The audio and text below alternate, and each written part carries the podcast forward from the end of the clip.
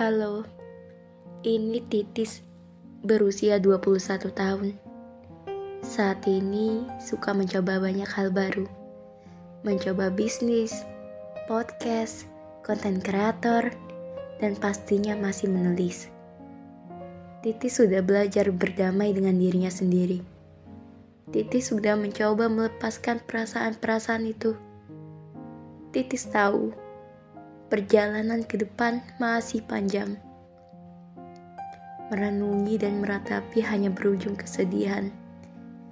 Ada yang harus dikejar satu persatu. Si anak bungsu yang berlomba dengan umur orang tua. Si anak bungsu yang memendam segala hal dan mencoba terlihat tegar. Si anak bungsu yang tertawa di depan banyak orang dan menangis kala sendirian. Gak apa-apa ya, nanti akan ada saatnya bahagia. Semangat titis.